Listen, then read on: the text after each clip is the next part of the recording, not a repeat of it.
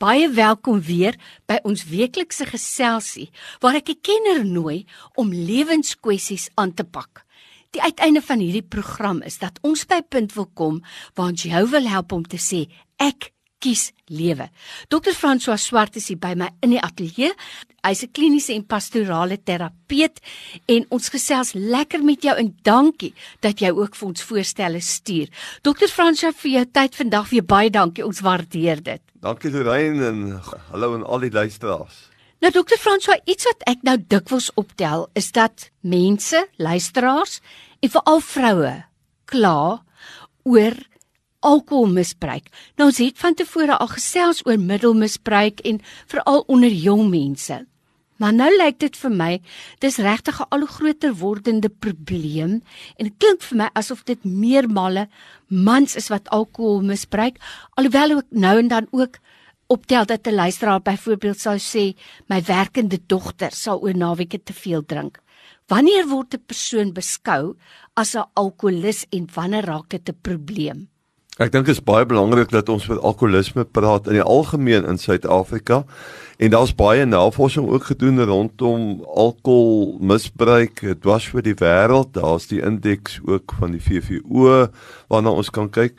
En die slegte nuus is Lorraine en ons luisteraars moet dit weet, is dat Suid-Afrika nogal baie hoog tel onder die eerste 10 lande van die meeste alkoholmisbruik. En dan is daar 'n verdere afbreek in die navorsing dat al ons mansmense sukkel met met met alkoholgebruik. Om by jou vraag te kom oor wanneer is dit 'n moeilikheid binne 'n huishouding sodra daar spanning in die huis kom as gevolg van die middel wat gebruik word is dit die eerste rooi lig en 'n aanduiding dat daar 'n oorskryding plaasvind van gebruik van alkohol. 'n Mens kan alkohol gebruik by feesgeleenthede of per geleentheid, maar dan moet daar baie duidelike grense in plek wees. Of dan moet 'n gesinsvergadering wees of binne 'n familieopset 'n reëling wees. Dit is hoe ons alkohol gaan gebruik. Dit is waar ons die streep trek en dan moet 'n vrymoedigheid wees dat ons mag gesels daaroor. As ons voel maar uh, dit dra daartoe by dat daar spanning kom binne in die gesins of huwelikstelsel. Die ander groot ding wanneer ons kyk as meer professionele mense of alkohol gebruik 'n probleem is, is nommer 1 dan as jou huishouding ontwrig word, en nommer 2 as jy nie lekker funksioneel kan wees binne jou werk nie. Jy sukkel om in die oggende op te staan om te gaan werk. D dit is 'n aanduiding dat jy is byna dan 'n alkolikus. Daar is uh, ook 'n internasionale vraelys wat ons gewoonlik vra van 20 vrae wanneer jy op jou eie byvoorbeeld drink uh, as jy uh, vroegoggend 'n regmaker drink om om van die kopseer ontslae te raak. Dit is alles aanduidings dat jy's eintlik siek.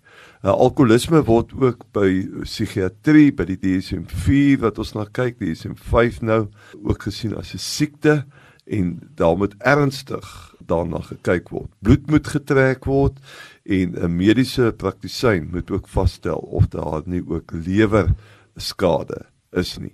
En en ons mediese mense kan ons help daarmee.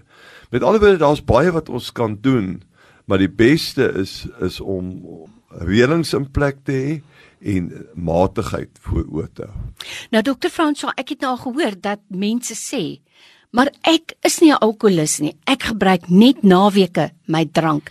En dan is daar ook van die luisteraars wat sê my man drink net oor naweke, maar dan raak hy aggressief, bekleierig, hy verwoes en ons kan nie met hom huishou nie. Maar as die werksweek begin, dan is hy weer in plek. So sou mens so 'n persoon ook kon beskryf as 'n alkolikus. Dis reg so ons praat van sulke geleentheidsdinkers as mense wat binge. Die woord wat hulle gebruik in die literatuur is binge. Dis hierdie persoon drink dan oor naweke. En dit is so daar kom ses persoonlikhede na vore met alkoholgebruik. Party ouens raak huilerig as hulle drink. Ander persone raak meer seksueel danig Ander persone raak stytig en lydrigtig en hulle mense rondom hulle skaam hulle vir hulle geliefde. En dan die een wat jy dan noem, ander persone raak. Die Engelse woord is argumentative, argumenteer oor alles of selfs aggressief en dan selfs gewelddadig. Dis dis 'n hele spektrum. Alkohol gaan sit nie by elke persoon op dieselfde manier nie. Maar uh gewoonlik gaan dit gepaard met geweld.